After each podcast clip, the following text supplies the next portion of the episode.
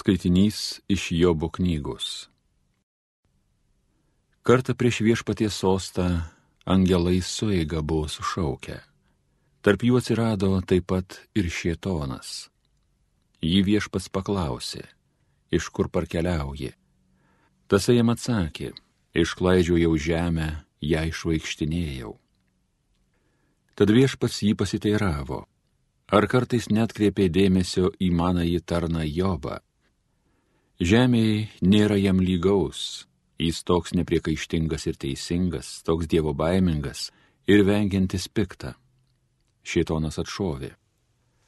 Ar Jobas gyveltui tai bijosi Dievo? Ar tu jo nesaugai, taip pat jo namų ir viso jo turto, tu dosniai palaiminai jo rankų triūsą ir jo nuosavybė krašte labai išsiplėtus. Bet tik ištiesk prieš jį ranką palies, ką jis turi, tai tikrai jis pradės į akis tau burnoti. Tad viešpats pasakė šėtonui, gerai, visas jo turtas te bus tavo rankose, tik tai į jį patį netiesk savo rankos. Po to šėtonas pradingo viešpačių iš akių. Vieną gražią dieną, kai jo bus sūnus ir dukterys valgė ir gėrė vyną savo vyriausiojo brolio namuose, Pas Jobą atėjo pasiuntinys ir pranešė. Jaučiai arė ir asilai ten pat ėdrinėjo, juos užpuolė sabėjai ir visus pasigrobė, tarnus kalavijo ašmenėmis iškapojo, aš vienas pabėgau, tau šito pranešti. Dar šitaip tebe kalbant, jau kitas atbėgęs kalbėjo. Dievo ugnis iš padangių nukrito ir liepsnos avis bei tarnos prarijo aš vienas pabėgau tau šito pranešti. Ir šiam dar tebe kalbant atbėga dar vienas ir sako, chaldėjai trimis gaujomis užpuolė kupranugarius ir juos pasigrobė, tarnus kalavijo ašmenėmis iškapojo, aš vienas ištrūkau tau šito pranešti.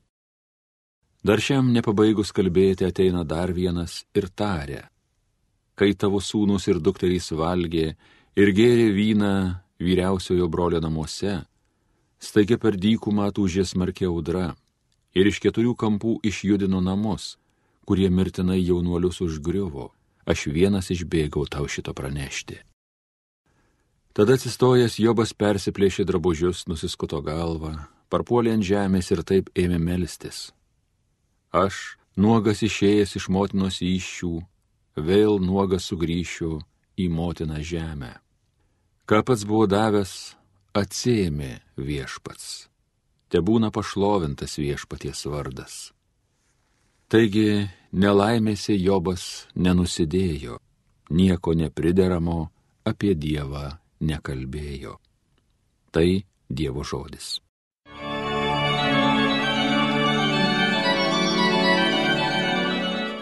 Atkreipk į mane savo ausį, išgirsk mano žodį. Paklausyk viešpatie teisiojo skundo, atsižvelg, kaip tave aš maldauju. Tegu tavo ausys malda išgirsta iš mano neklastingųjų lūpų. Atkreipk į mane savo ausį, išgirsk mano žodį. Tegu tavo burna mane teisė, tegu tavo akis mato teisybę. Gali tirt mano širdį, slapčia naktį lankyti, gali ugnimi mane išbandyti, manį neteisybės nerasi. Atkreipk į mane savo ausį, išgirsk mano žodį. Šaukiuosi tavęs, išklausyk mane Dieve. Atkreipk į mane savo ausį, išgirsk mano žodį. Pasirodyk, kad esi nuostabiai gailestingas ir nuo priešų gini, kas tik tavo dešinę kliaujas. Atkreipk į mane savo ausį, išgirsk mano žodį. Alleluja.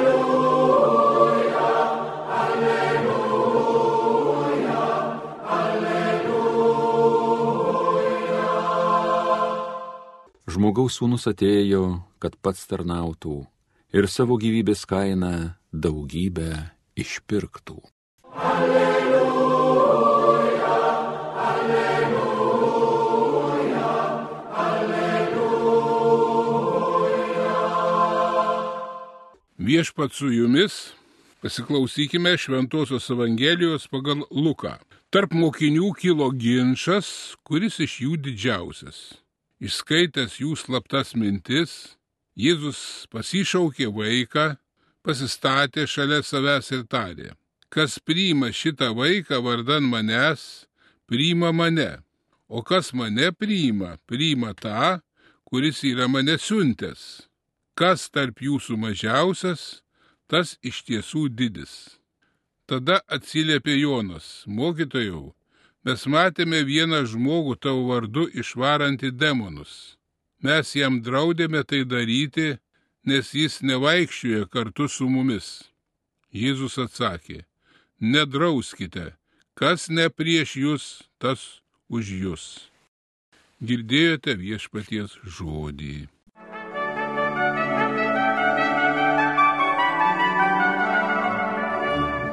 Mėly ir brangus, mes Jėzų matome nuolat apsuptą minios. Įvairūs invalidai, akli, nebili ir visokių kitokių kamuojami. Lygiai taip pat daug sveikų žmonių.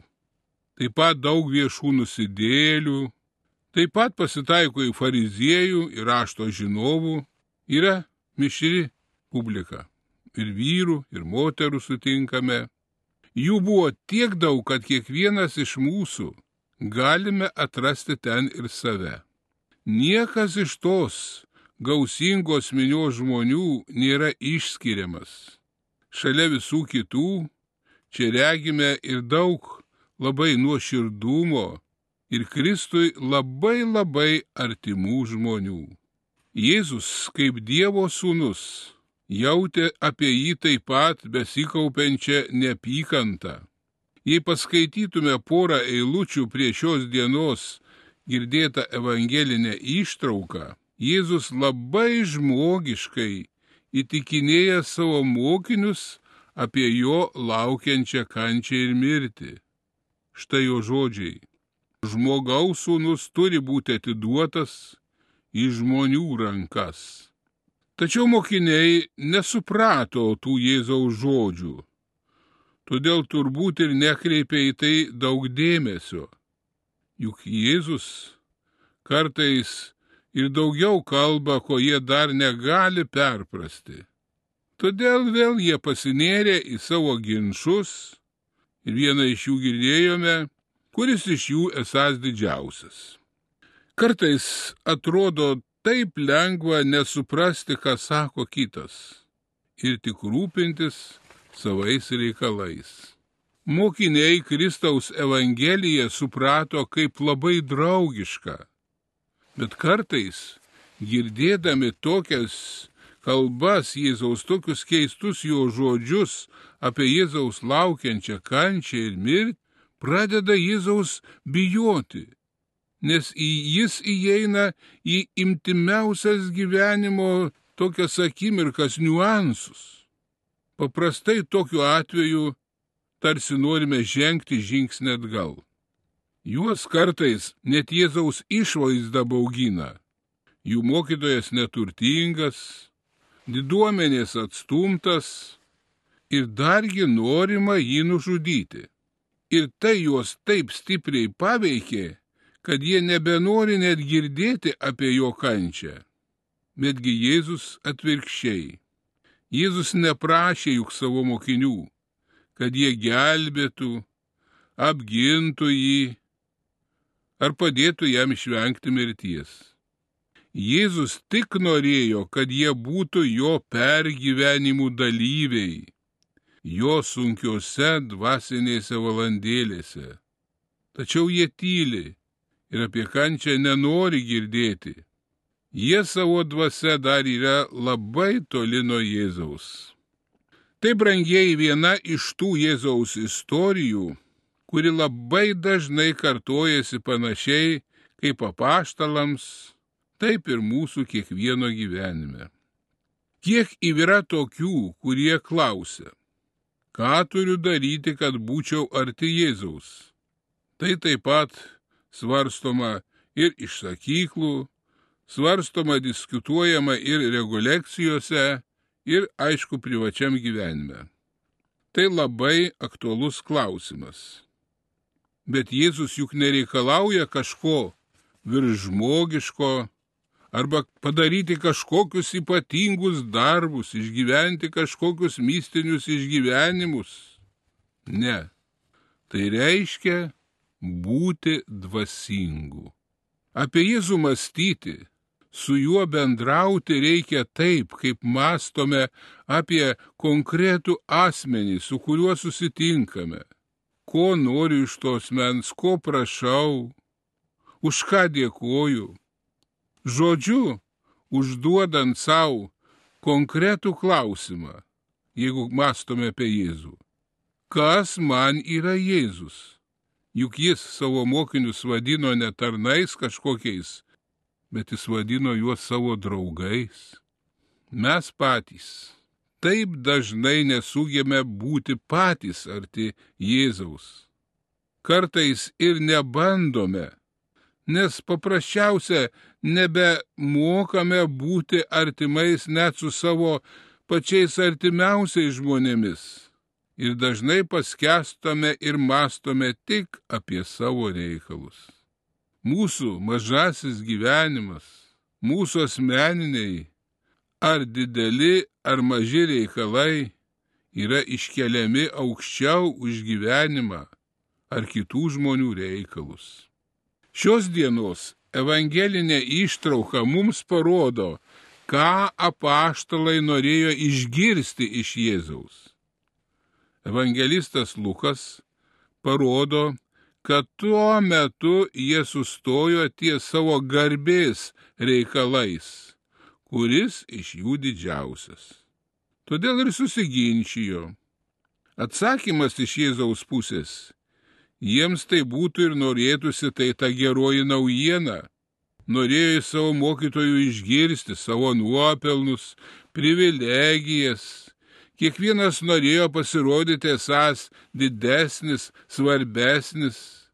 Esu išmintingas, esu nuoširdus, už viską, ką esu padaręs, noriu būti išskirtinis.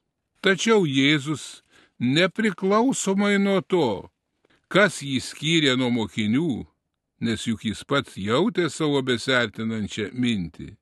Bet savo mokinių Jėzus nepasmerkė, jis juos mylėjo ir paaiškino jiems, kas gyvenime yra svarbiausia. Todėl pasikvietė mažą vaiką, pasistatė jį prie savęs ir tarė, kas priima šį vaiką vardan manęs, priima mane o kas mane priima, priima tą, kuris yra mane siuntęs. Kas jūsų tarpe mažiausias, tas iš tiesų didis.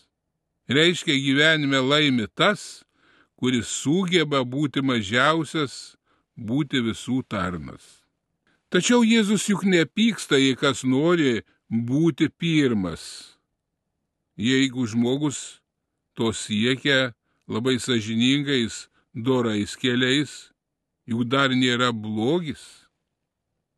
Tačiau nurodo jis pats savo asmeninį kelią, kuris turi turiningai vesti gyvenime, parodo kelią, kurį jis pats pasirinko. Juk Jėzus negyveno savo, bet tik tai kitiems dėl visų mūsų išganimo. Ir tame kelyje jis buvo ir yra pirmasis kad mes kiekvienas taptume į jį panašus. Amen.